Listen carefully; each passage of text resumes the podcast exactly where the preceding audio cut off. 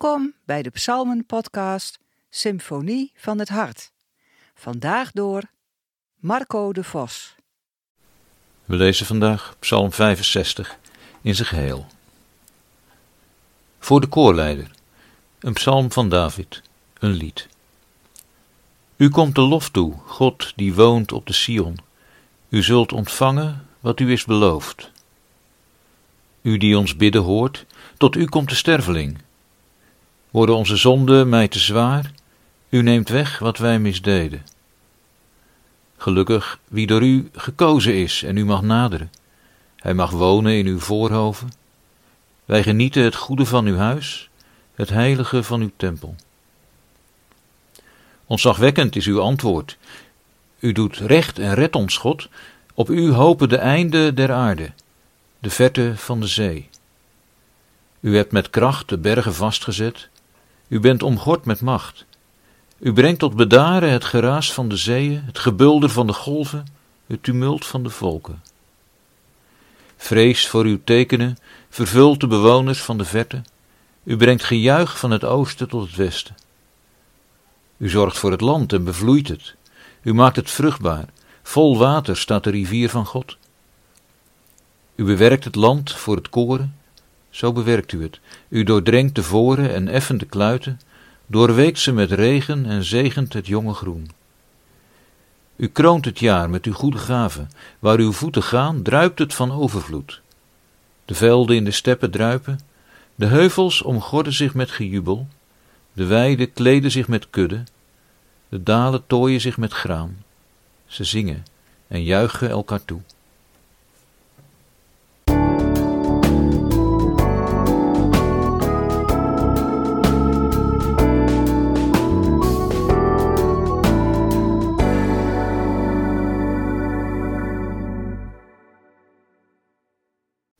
Zomaar een fragment van een gesprekje op een schoolplein. Als jij mij op je feestje vraagt, dan vraag ik jou straks ook. Dat idee van als jij, dan ik, van voor wat hoort wat, van het maken van deeltjes, het zit diep in ons denken verweven. Ook het maken van deeltjes met God. We zien het in de Bijbel. Jacob doet na zijn droom, u weet wel over die ladder met engelen, na zijn droom doet hij een gelofte. Als God voor me zorgt, als ik hier weer veilig terugkom, dan zal de Heere mij tot een God zijn. Heel gedetailleerd. En heel verrassend ook, omdat God hem dat alles net in die droom al heeft beloofd. Psalm 65 begint ook met een gelofte die ingelost wordt. Er staat niet bij wat voor gelofte, wat er beloofd is. In het verdere van de psalm gaat het over regen die valt, over vee dat te eten heeft, over koren op de velden. De psalm lijkt een danklied voor al die overvloed. We zouden daarom makkelijk kunnen denken dat de psalmist een gelofte heeft gedaan om offers te brengen als er voldoende regen zou vallen. Voor wat hoort wat. Als u, dan ik.